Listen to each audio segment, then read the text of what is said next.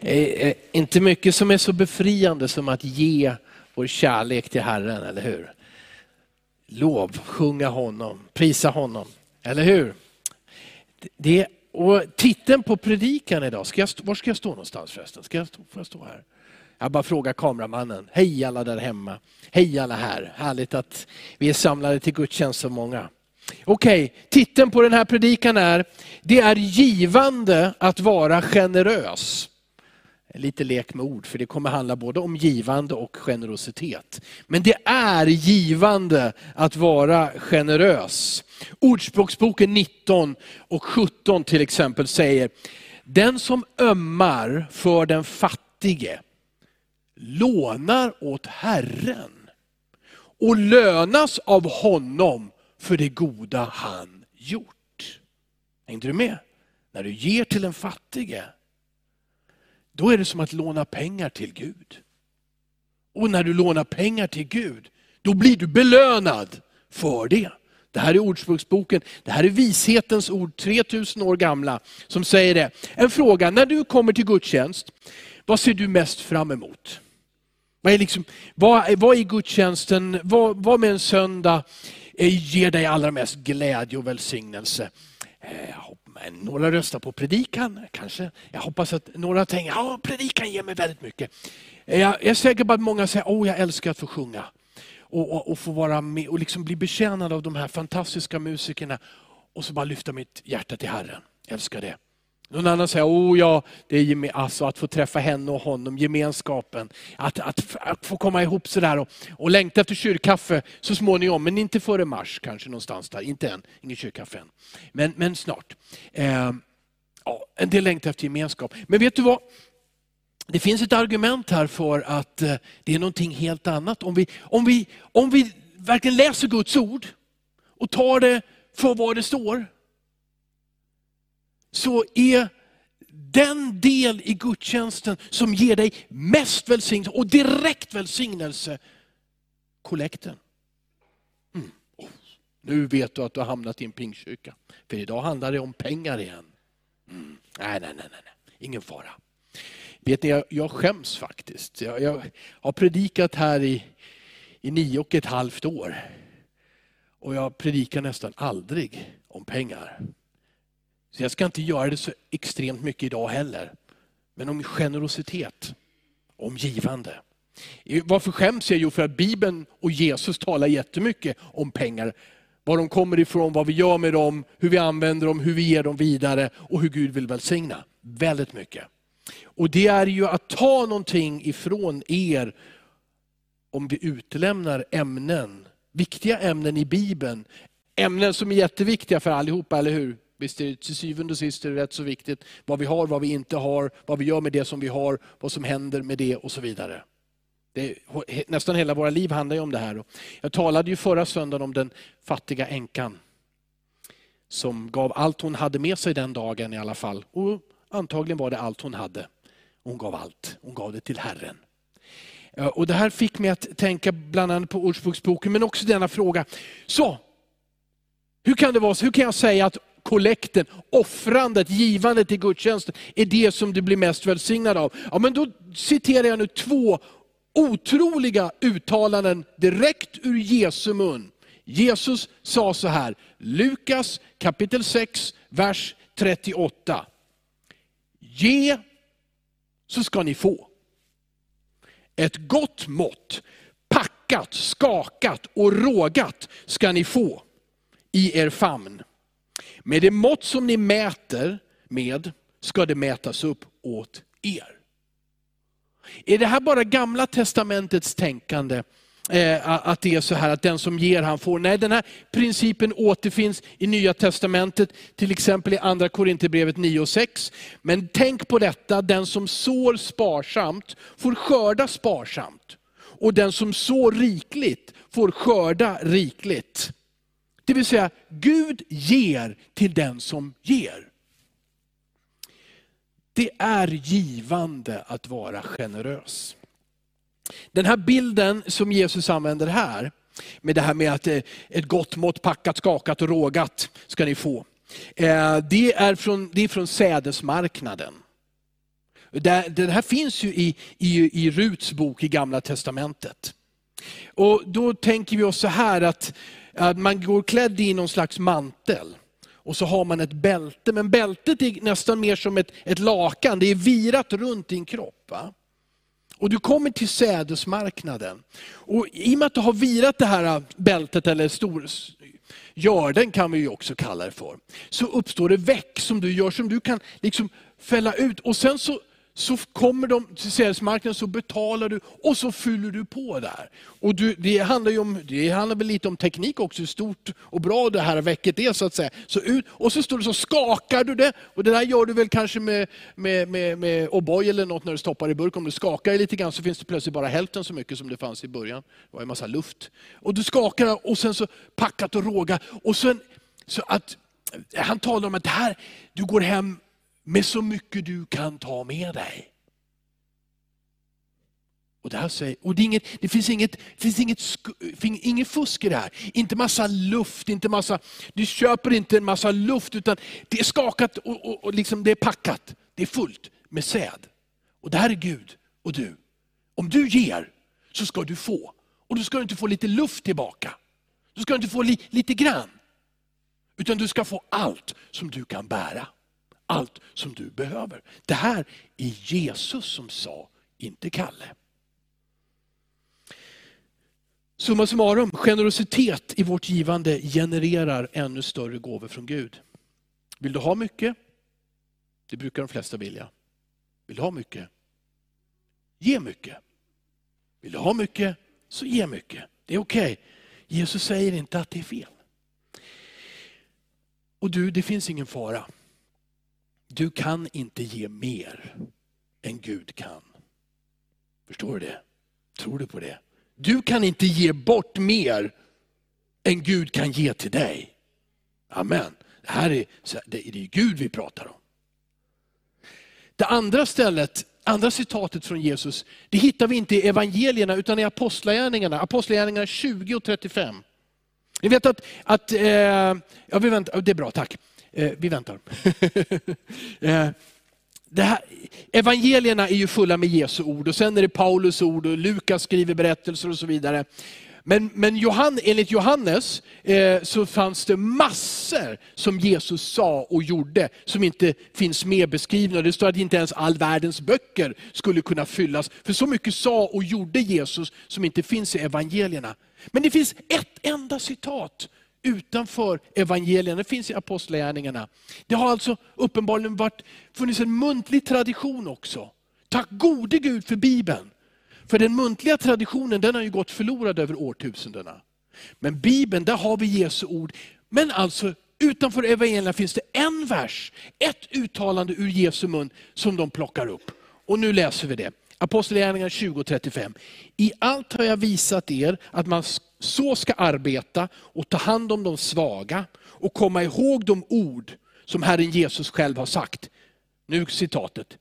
Det är saligare att ge än att ta. Det är saligare att ge än att ta. I vissa översättningar så säger man det är saligare att ge än att få. Ehm, så det är, det är lovligt att ta emot, eller hur? Men det är rikare att ge. Ehm, de här två uttalandena från Jesus, de borde räcka för oss, eller hur? Ge så ska ni få. Det är saligare att ge än att ta. Det borde väl vara tillräckligt för dig och mig som säger att vi följer Jesus, att vi ger. Att vi är generösa. Att vi delar med oss av det vi har. Och att vi säger Gud, om du bara fyller på, då ska jag ge vidare. Inte om du fyller på så ska jag ordna åt mig. Utan om du fyller på så vill jag ge vidare. Eh, men många kristna, det, även bland oss är det ju så, och tror att vi måste hålla i det som vi har. Det här lilla jag har, det måste jag beskydda. Jag måste hålla i det. Spara, spara, spara, spara. Använda i svåra tider. Resultatet av att hålla i saker och ting för mig, det är att det, det leder till en rädsla. Och ur rädslan kommer en snålhet. Och Jesus var allt annat än rädd och snål. Och det, han, det liv han har kallat dig till är inte ett liv i rädsla och i snålhet. Kan församlingen säga amen till det? Amen! Han vill ge och välsigna. Han vill ge ett överflöd. Han vill att du ska ha och att du ska kunna ge. Bibliskt givande handlar mycket, handlar mycket mer om, om eh, handlar inte om plikttroget givande. Utan mycket, mycket mer än det. Det handlar om en livsstil av givande. En inställning, den som kallas för att vara generös. Att bli som Jesus och vara generös. Det är, en, det är den här attityden av att jag får! Jag, jag, jag har en, det är en förmån! Jag, jag får! Inte jag måste. Jag får, det är generositet. De här sakerna som hjälper oss att växa. Vi tar något annat än pengar, läsa Bibeln. Jag måste, oh. De säger alltid att jag måste läsa Bibeln. Oh. Jag fattar ingenting. Eller säger du, jag får. Ja, jag, du får läsa Bibeln. Och så händer det här, att när du läser Bibeln, då talar Gud till dig. Boom! Och du säger, va? Det står ju nästan Carl Wilhelm där. Det står Det är en förmån att få läsa Bibeln. Och Gud, det är en förmån att få be. Och vi har en Gud som, ja vadå, han lyssnar, han hör. Wow! Ni vet att människor i många religioner de har gärna tyckt om att ta en trästam och så snidar de den lite fin. Och, och de som är lite rikare de gör mycket guld på det där och så gör de en avgudastol. Och, och människor i vår tid de, de skaffar sig mycket prylar istället, vackra prylar, fantastiska prylar. Man kan gå där hemma eller man kan gå till ett sånt där tempel och man kan prata och prata och prata. Och vilken av dessa gudar och avgudar hör ett enda ord? Vilken trästam är intresserad av vad du säger? Vilken guldbeklädd apa tror du lyssnar till dig? Men Bibeln säger att du har en Gud som lyssnar, han ser, han älskar, han talar. Det, här, det är en förmån att få, att få vara, det är en förmån att få komma till Guds hus. Det var väl därför ett par ropade nästan halleluja när vi hörde att restriktionerna snart är över och andra säger oh, var lite försiktiga och det ska vi fortsätta vara. Vi har den där smittan så vi ska inte sprida den och så vidare. Men det är en glädje, en förmån att få vara i ett fritt land också. Där vi får bygga kyrka, där vi får samlas, där man får mötas i ditt hem eller någon annans hem och be till Gud och sjunga lovsång. Det är för, vi får, tänk att vi får. Det är generositet. Och det är det som Jesus talar om. Så där, den här troslöftesutmaningen, Västafrika. Jag får vara med och förändra människors liv långt borta. Jag får be och Gud hör mina böner. Jag får ge och det kommer till användning. Och som vi ska se, det fantastiska är att Gud kan, har en förmåga att multiplicera det som vi ger. Så även om det vi har idag är som änkans två skärvor, jag ger det jag har Gud. Så har Gud en otrolig förmåga att mirakulöst förmera det vi ger. Så här vill jag tänka. Jag tror att du vill tänka så också. Så här vill jag leva, att vara generös. Filipperbrevet 2 säger, var så till sinnes som Jesus Kristus var. Och så fortsätter Paulus att skriva till Filipperna att Jesus som var i himlen lämnade den. Han gav sig själv till människorna. Han kom till jorden och var lydig ända till döden, döden på ett kors. Han gav, han lämnade. Han, det, står, det står precis så här, han höll inte i det han hade som ett segerbyte. Jag ska komma tillbaka till det lite senare. Men segerbyte det är när du, när du har vunnit ett krig och så, så passar du på att plundra också. Så ni vet, vi har silverbibeln här i Uppsala och vi har liksom varit i, i, i Prag, svenska arméer och så tagit en bibel full med silver och hem till Uppsala. Så ett segerbyte. Men det står så här, Jesus höll inte i segerbytet. Han är alltså värdig, han är vinnaren, han är seger. Men han höll inte, han släppte detta. Han blev som du och jag, en enkel människa. Ja, han blev till och med en fattig människa för din och min skull och visade oss väg. Och det räckte inte med att bli en fattig människa, utan han lät sig hånas, korsfästas och dödas på ett kors. Han gav allt, allt. Generositet i Guds hjärta. Att ge i Guds glädje. Det här är hans natur. Och han har skapat dig och mig att vara honom lika. Att vara hans avbild. Att vara en spegel bild av den Gud är. Han som är kärlek, han som ger, han som är generös. Han vill förvandla våra liv så att vi blir lika honom.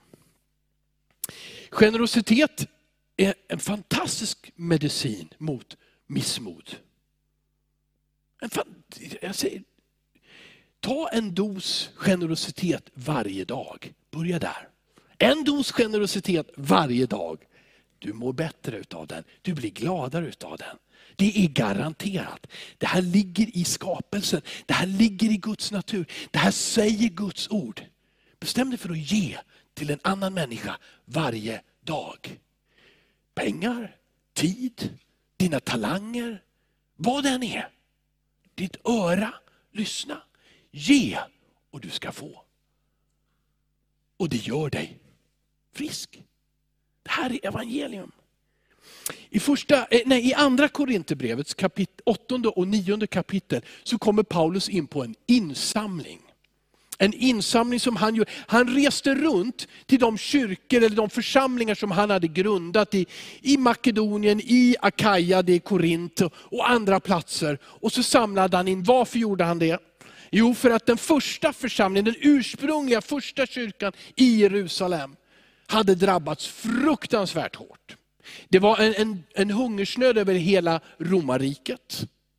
Och, och, I Jerusalem, eh, den delen, alltså man var fattig. Ni måste förstå att romarriket var inte rikt på det sättet. Rom som stad var rikt och, och härskarna och adeln de var rika. Men de plundrade länder. Alltså uppe i Tyskland, norra Europa, runt och där romarna besegrade sin fiende och införde sin fred, Pax Romana, där plundrade de och så förde de det till Rom. Och där, på ett tidigt årtionde, om det är 40-talet, 50-talet ungefär, så uppstod en hungersnöd i romarriket och där drabbade församlingen i Jerusalem jättehårt. För hur var det i Jerusalem? Jo, där, i hela den församlingen, den första kyrka som Jesus planterade, den planterades bland mycket fattiga människor. Mycket, mycket fattiga människor. För det första var det så här, det var på pingsten, så många kom resande som pilgrimer till Jerusalem. Och, de, och, och, så händer det här med, med, med att den heliga ande faller och 3000 blir döpta. Och ni hör alla språk, det är väl 17 eller 18 språk som räknas upp där, som de kände igen. Och dessa människor, det fanns ju ingen, ingen kyrka någon annanstans på den tiden. Det fanns den första församlingen i Jerusalem, så de stannade ju där. Och ni vet, det står att de var väldigt noggranna att dela ut mat varje dag till änkorna i församlingen. Tusentals människor som inte hade mat. Och de delade ut det. Och det står att de sålde vad de hade och så delade de med varandra. De gjorde sitt yttersta. Och sen kom förföljelse. Det sa att de, de förlorade sina arbeten, de sparkades ut ur sina hem, de kastades i fängelse. Den första församlingen var urfattig. Och så kom hungersnöden. Och Paulus han reser runt och han talar till olika församlingar runt om. Som vi måste hjälpa församlingen i Jerusalem. Börja spara en gång i veckan. Lägg det åt sidan. Jag kommer resande genom er församling. Här skickar jag ett brev med några andra bröder till er först. Och sen så förbereder ni det här. Och när jag kommer så ger ni och så tar vi med det. Vi ansvarar för de här pengarna. Han, beräknar, han berättar hur många människor som är med, så det, det är full koll på allt som är givet och utgivet. Och så säger han, så ska vi ta med och så ska vi hjälpa syskonen i Jerusalem. Okej, okay. så att eh, vi, vi, ska läsa de där inledande verserna, vi kan ju inte läsa två kapitel här bara. Men, men där, i de här inledande verserna så hittar vi några motiv för givande. Några motiv för varför ska jag vara generös? Och då skriver Paulus så här i första Korinthierbrevet, nej, andra Korinthierbrevets åttonde kapitel, vers 1-5. Vi vill berätta för er bröder vilken nåd Gud har gett församlingarna i Makedonien. Trots deras många hårda prövningar har ändå deras översvallande glädje och deras djupa fattigdom gjort dem överflödande rika på uppriktig hängivenhet. De har gett efter sin förmåga, ja över sin förmåga. Och det var helt frivilligt, det kan jag intyga. Ivrigt vädjade de och bad oss om nåden att få vara med i hjälpen till de heliga. Och de gav inte bara det vi hade hoppats, utan de gav sig själva. Först och främst åt Herren och sedan åt oss efter Guds vilja. Här, vi ska titta på några motiveringar varför vi ska vara generösa. Nummer ett, vi ger för att Gud gav till oss. Amen, det vet vi, eller hur? Vi ger för att Gud gav till oss. Var hittar vi det här? Vi hittar det i vers 1. Vi vill, vet, vi vill berätta vilken nåd Gud har gett församlingarna i Makedonien.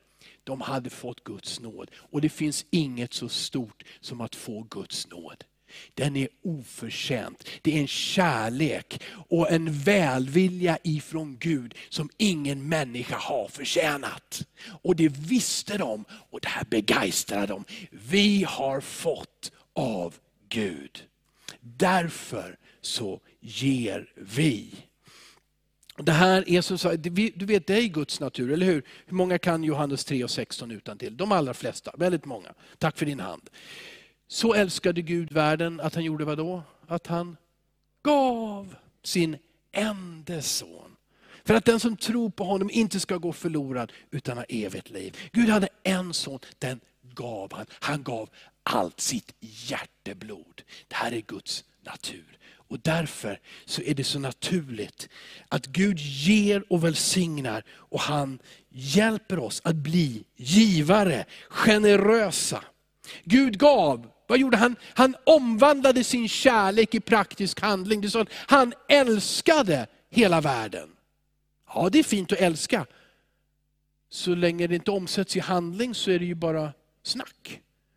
Men Gud handlade. Han sände sin enda son. Och makedonierna, de hade fått sina liv förvandlade.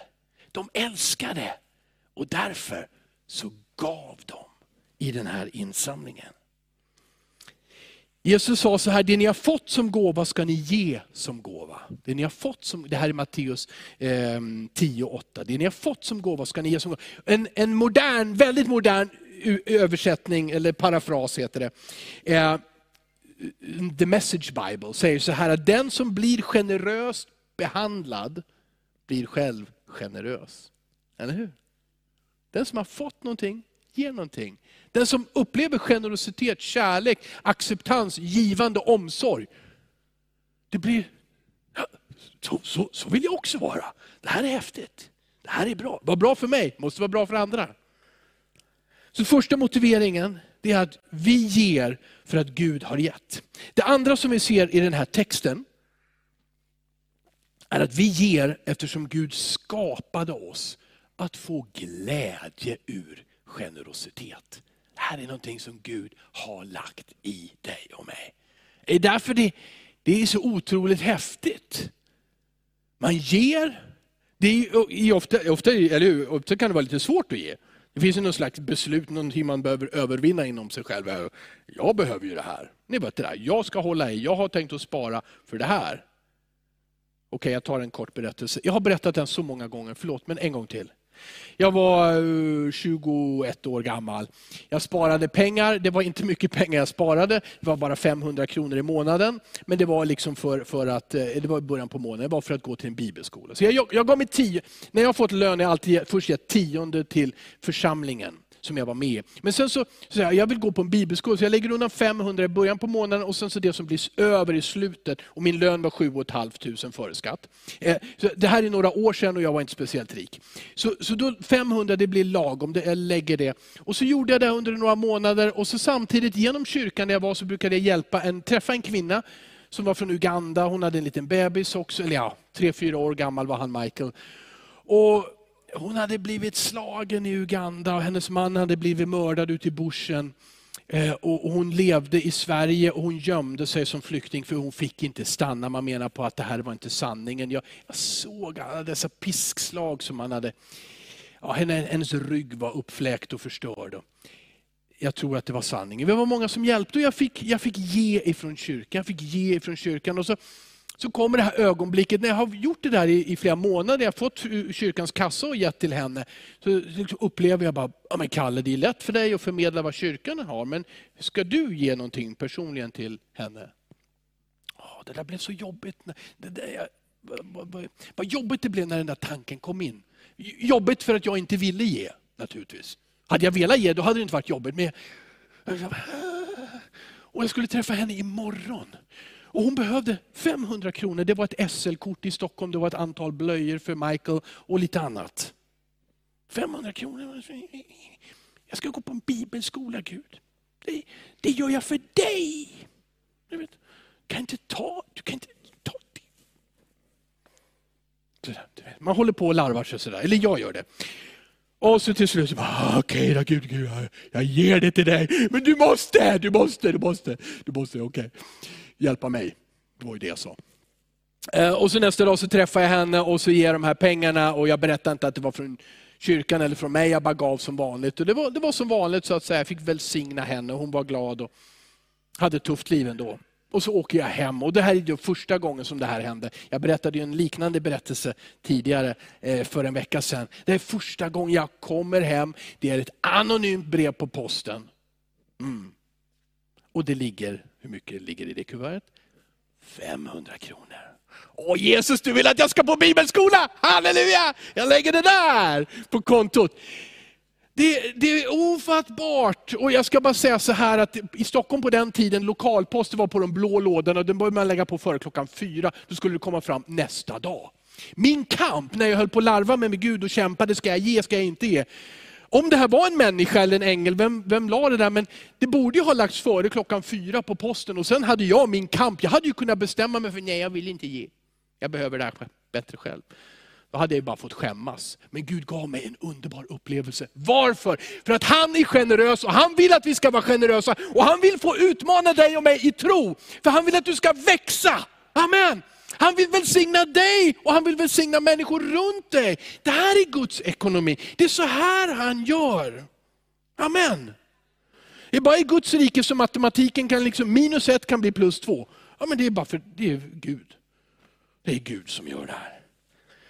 Vi är skapade för att få glädje. Oh, vad jag var glad. Jag grät av glädje när jag fick det där brevet. Oh, halleluja. Det var verkligen så. Mm. Uh.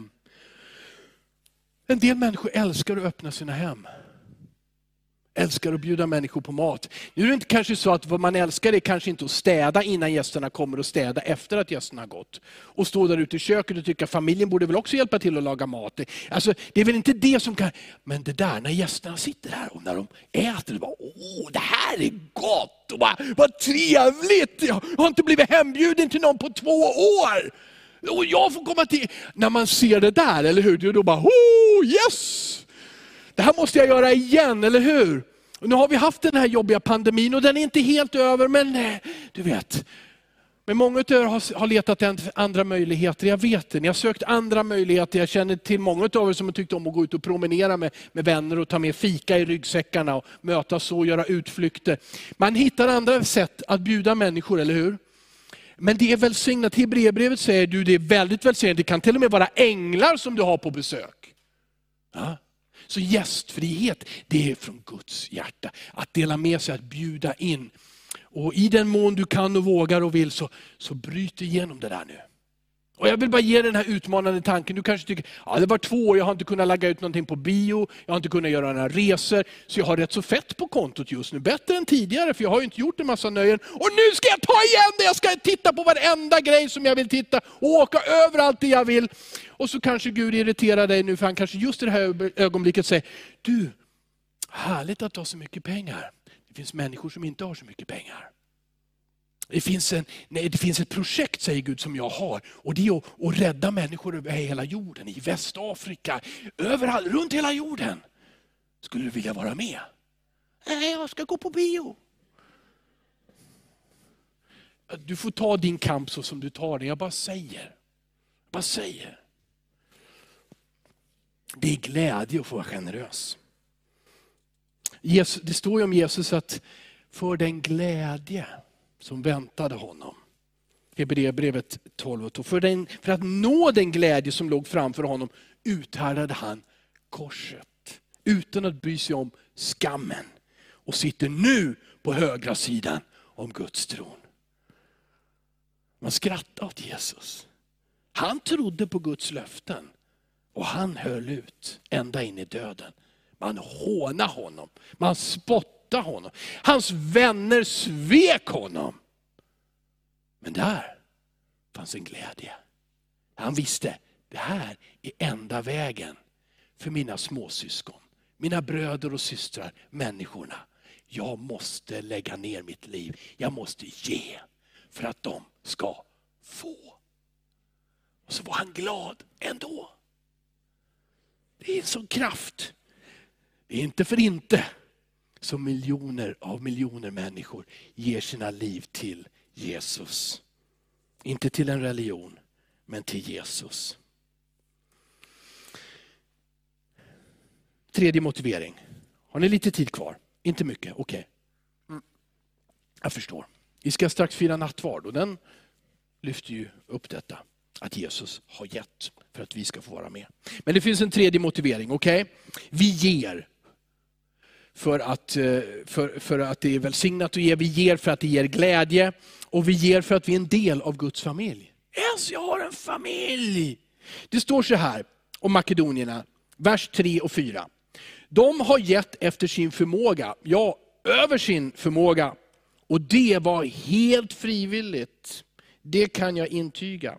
Ivrigt vädjade de och bad oss om nåden att få vara med i hjälpen till de heliga. Vilka är de heliga? Det är alla människor som tror på Jesus. I det här fallet var det de heliga i Jerusalem, i den församlingen. Och de, ville vara, de var fattiga i Makedonien, men de ville vara med och ge. Och det var inte Paulus som sa, ni måste ge, utan de hörde av sig till Paulus och sa, vi vill ge. Varför får alla andra vara med och ge? Alltså det här var en otrolig förs otroliga församlingar uppe i Makedonien. Ah, det, det, är, det är så häftigt att få ge, det är nåd, det är en glädje. Det här är våra syskon, vi vill vara med. Wow, säger Paulus och intygar det. det här var mer än frivilligt. Och de gav mer utöver sin förmåga. För att de var del av Guds familj. Eller hur? Nu vet vi att familj, bilden av en familj den är lite jobbig, för det är inte alltid den är så hel. Och det är inte alltid du vill vara med din familj. Men jag tror att vi bär inom oss ett ideal. Att i en fungerande familj, där vill man vara med. Där vill man inte missa någonting, där vill man bry sig om varandra. Vi förstår den bilden. Och du och jag, genom vår tro på Jesus har vi inte bara blivit frälsta, utan vi har blivit upptagna i Guds familj. Det är häftigt att få se den familjen må bra, växa, växa i antal. Att människor har det de behöver i min egen familj, i din och min familj, i Guds familj. Det här är otroligt, det här visste de i Makedonien, det här ville de göra. Hur ger man utöver sin förmåga? Hur kan man ge utöver sin förmåga? Jag har så här mycket och så i slutändan så ger jag mer. Ja, det här är ju Guds matematik, det är just det. Ett mycket tänkbart sätt som det är, det är att Gud säger till dig, ge, ge, ge. Ta av det du har och så ge det. Och så gör du det. Och sen ger Gud dig någonting. Och han kanske till och med ger dig mer än du hade från början. Och så, oh, jag kan ge en gång till. Det är det här som är Guds matematik. Om du, räk, om du och jag räknar och säger, jag har så här, jag kan absolut inte ge mer än det här. Jag, nej, jag kan inte ge någonting alls. Nej, det här får bli nästa månad. Nej, nej jag, får, jag får vänta tills jag hittar ett arbete. Jag får vänta lite till. Nej, nej, det går inte nu. Om du tänker så, det här är väl normalt, mänskligt. Ja, men då är det så. Då har du vad du har och så får du försöka ta hand om det och göra det bästa av det du har. Men Guds matematik med dig och mig, det är att, hej, dela med dig. Ge åt en fattig. Ge åt din församling. Sprid Guds kärlek. Var med, ge. Och så ger du och så välsignar Gud dig. Och jag tror att det är det som hände i Makedonien. När Paulus skrev, de gav över sin förmåga. Gud välsignade dem. Ja, det finns mycket att säga så jag ska inte säga allting. Men eh, i vers 8 lite senare så skriver Paulus här, detta säger jag inte som en befallning. Det här är viktigt. Det är inte en befallning till korintierna, Ni måste ge. Ni har lovat mig det och ni är kristna, ni måste ge. Lagen säger det. Nej, det finns inget utav det där.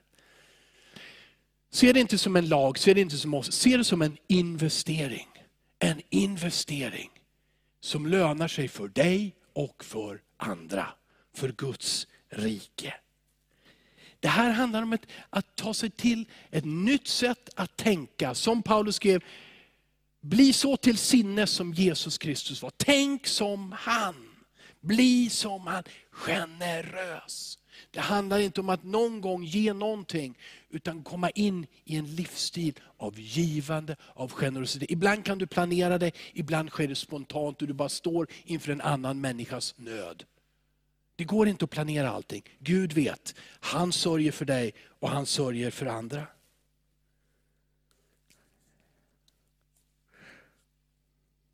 Samtidigt så talar Gud mycket om förvaltarskap. Bibeln talar mycket om förvaltarskap. Och det är självklart att du tänker efter, om jag ger, vad har jag kvar? Det är väl rätt så naturligt. Och man, för, hur mycket ska vi ge egentligen? När, när är Gud, om alla fattiga kommer till mig, liksom, när säger Gud, nu räcker nu kan du behålla lite för dig själv också. När, när, när, när, när händer det? Eh, ni kommer ihåg den rike unge mannen, Jesus sa, gå och sälj allt du har och ge till de fattiga, sen kan du följa med. Du vet, han bara sjönk ner i skorna. Så så gick han bedrövad hem, står det för han var mycket rik. Och så tänker vi på berättelsen från förra söndagen om, om den fattiga änkan som inte hade någonting. Hon hade 20 kronor och det gav hon. Och sen hade hon inget mer. Oh, är det som, måste jag alltid ge bort allting jag har på en gång? Då finns det en vägledande princip och den heter tionde i Bibeln. Det finns en vägledande, och jag vill i korthet bara säga någonting om den. Abraham, viktig man, i Bibeln. En trons eh, apostel kan man lugnt kalla honom. Trons fader kallar Bibeln honom. Hans brorson och hela den stad där han bodde, de blev liksom eh, slagna i ett krig och bortrövade. Män och kvinnor, allting. Abraham han tog sitt tjänstefolk, står det, det var 318 stycken, och så red de efter dem och så besegrade de här kungarna och så befriade de Lot och alla dessa människor. Och så förde de tillbaka. Och det första som Abraham gör, för han tar ju då tillbaka allt det här segerbytet. Det är att han i tro gav 10% till Gud. Nu hade han vunnit ett krig, men det första han gjorde det var att ge 10%. Det, Gud har lagt ner en princip i skapelsen som Abraham fått uppenbarelse om, visste om, förstod. Det här är Guds grejer. Jag ger 10 procent. Och sen är det som med Abraham, att han gav tillbaka allting till de, de här städerna som det här hade blivit rövat ifrån. Han behövde inga slavar, han behövde inga, inga pengar. Han lät dem ge till hans medarbetare, men han gjorde sig inte rik på de andra människornas olycka i det här fallet. Men här från Abraham lär vi oss att det finns en princip. Mose gjorde det här senare till lag för Israel, för judarna. Alltså ni måste ge 10 procent. Men som princip finns detta kvar. För lagen, du är inte kallad att följa en lag. Du är kallad att ta emot Jesus och leva livet med honom. Men principen med 10% finns i Bibeln som en vägledande princip för ditt givande. Utifrån din inkomst, utifrån vad du har. Och Jag vill bara och det här går fort nu då, så att, får du lyssna noga om ni vaknar. Eller så vaknar du nu. Så jag har fem stycken principer som en man som heter Per-Olof Eurell har skrivit ner. Han har skrivit en bok, den heter Tionde principen. Jag vill rekommendera den. Då står det så här, nummer, åh titta. Det här skickade jag till bildtekniken fem minuter i elva. Och där är de fem punkterna. Oj, tack. Det var generöst. Tionde principen är en gudomlig princip som säger att vi ska ära Herren med våra ägodelar. Den handlar om att erkänna Gud som ägare och upphovsman till allt. Amen. Där börjar det. 100% av vad du har, 100% av vad jag har, 100% av allt som finns är skapat av Gud och tillhör Gud. Han är ägaren. Det måste vi allt som du och jag har i våra fickor och på våra konton har vi fått låna för att förvalta. Okay. Nummer två, tionde principen säger att vi ska ge Herren det första och det bästa. Det vill säga inte det sista och det sämsta. När vi ger till Herren så ger vi aldrig det som blev över. Ja, jag vet inte vad jag ska göra med det här. Det kan väl Herren och församlingen ta. Utan det är det första i glädje, i tacksamhet, i en markering. Det här tillhör Gud. Nummer tre. Tionde principen har 10% som ett enkelt och bra riktmärke för hur mycket vi bör ge. Men detta är en miniminivå. amen, så, jag hörde här alla ropade Amen! Amen! Om Gud utmanar dig och ger 15 och 20 och allt, det är upp till Gud och dig. Och du får gå i tro så som Gud leder dig och lägger. Men han har lagt där ett riktmärke. Börja med 10% Det mår du bra av. Ge till Guds rike. Ge till Gud. Nummer fyra, tiondeprincipen är just en princip. Och som princip innebär det att detaljerna i tillämpningen är oviktiga. Det viktiga är att ge till Gud och till det som är angeläget för Gud. Så du behöver inte fundera, du behöver inte ha dåligt samvete för att det blev 8% och 9 Och du, det, ska, ska jag ge det till dem eller den? Och hur ska jag, det, är inte, det viktiga är att du ger till Gud.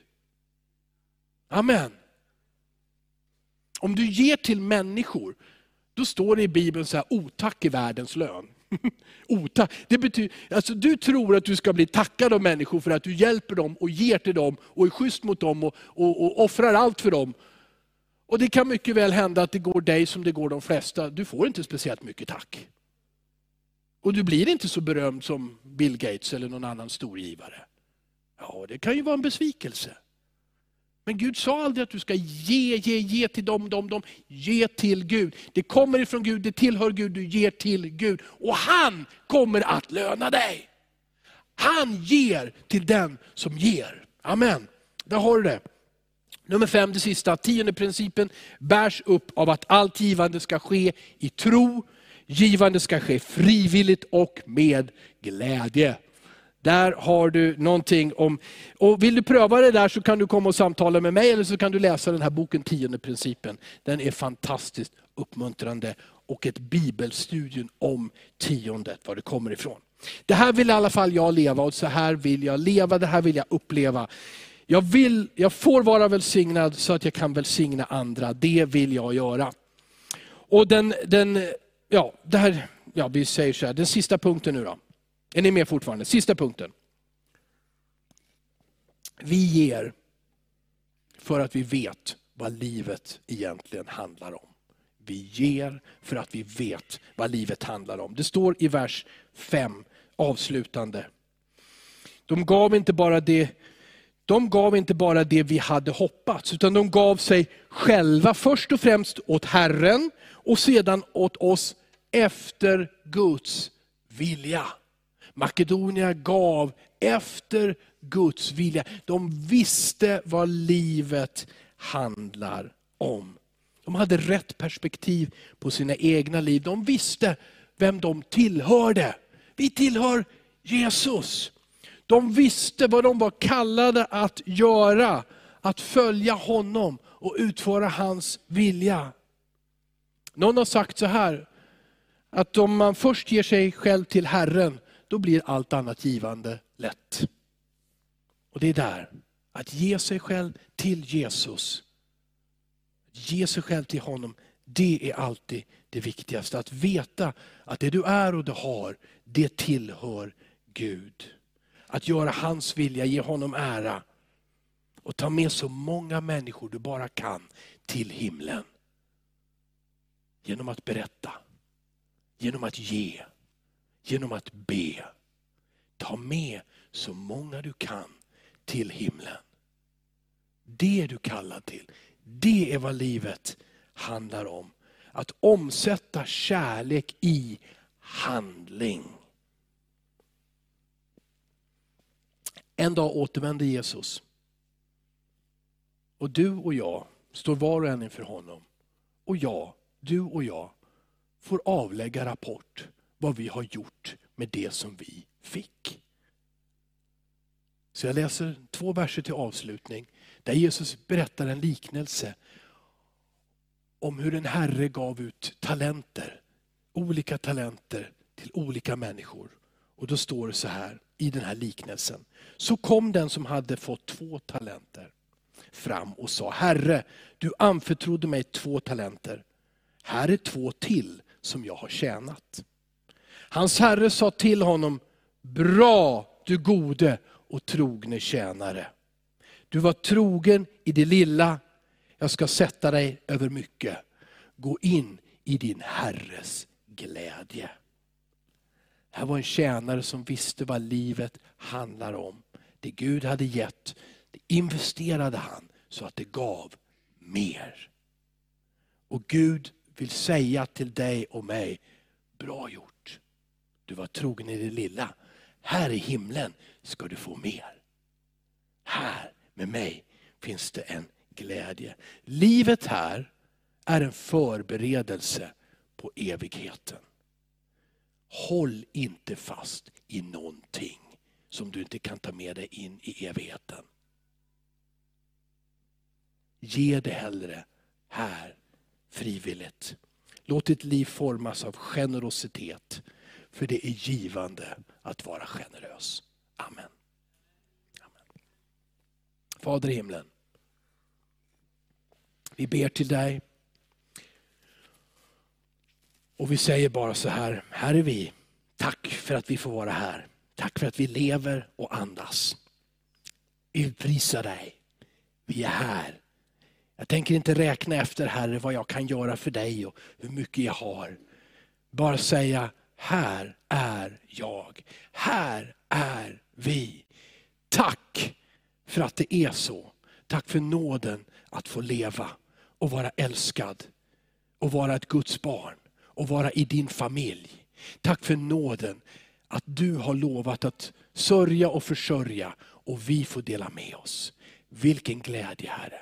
Låt oss alla växa i det här. Och jag ber för den som vill ge sitt liv till Herren idag. Jag ber för dig som inte har frid med Gud. Det kostar ingenting för dig. Han, Jesus, har betalat allt på korset. Säg ja till honom och du får frid. Säg ja till honom och du blir ett Guds barn. Säg ja till honom och han är med dig och välsignar dig dag för dag. Tack för dina löften Herre. Tack för att du frälser oss, inte på grund av vad vi har gjort, utan tack vare din nåd och kärlek. Du frälser min broder, min syster, som ger sitt liv och sitt hjärta till dig. Du är densamme. Tack för din godhet. I Jesu namn vi ber. Amen. Varsågod.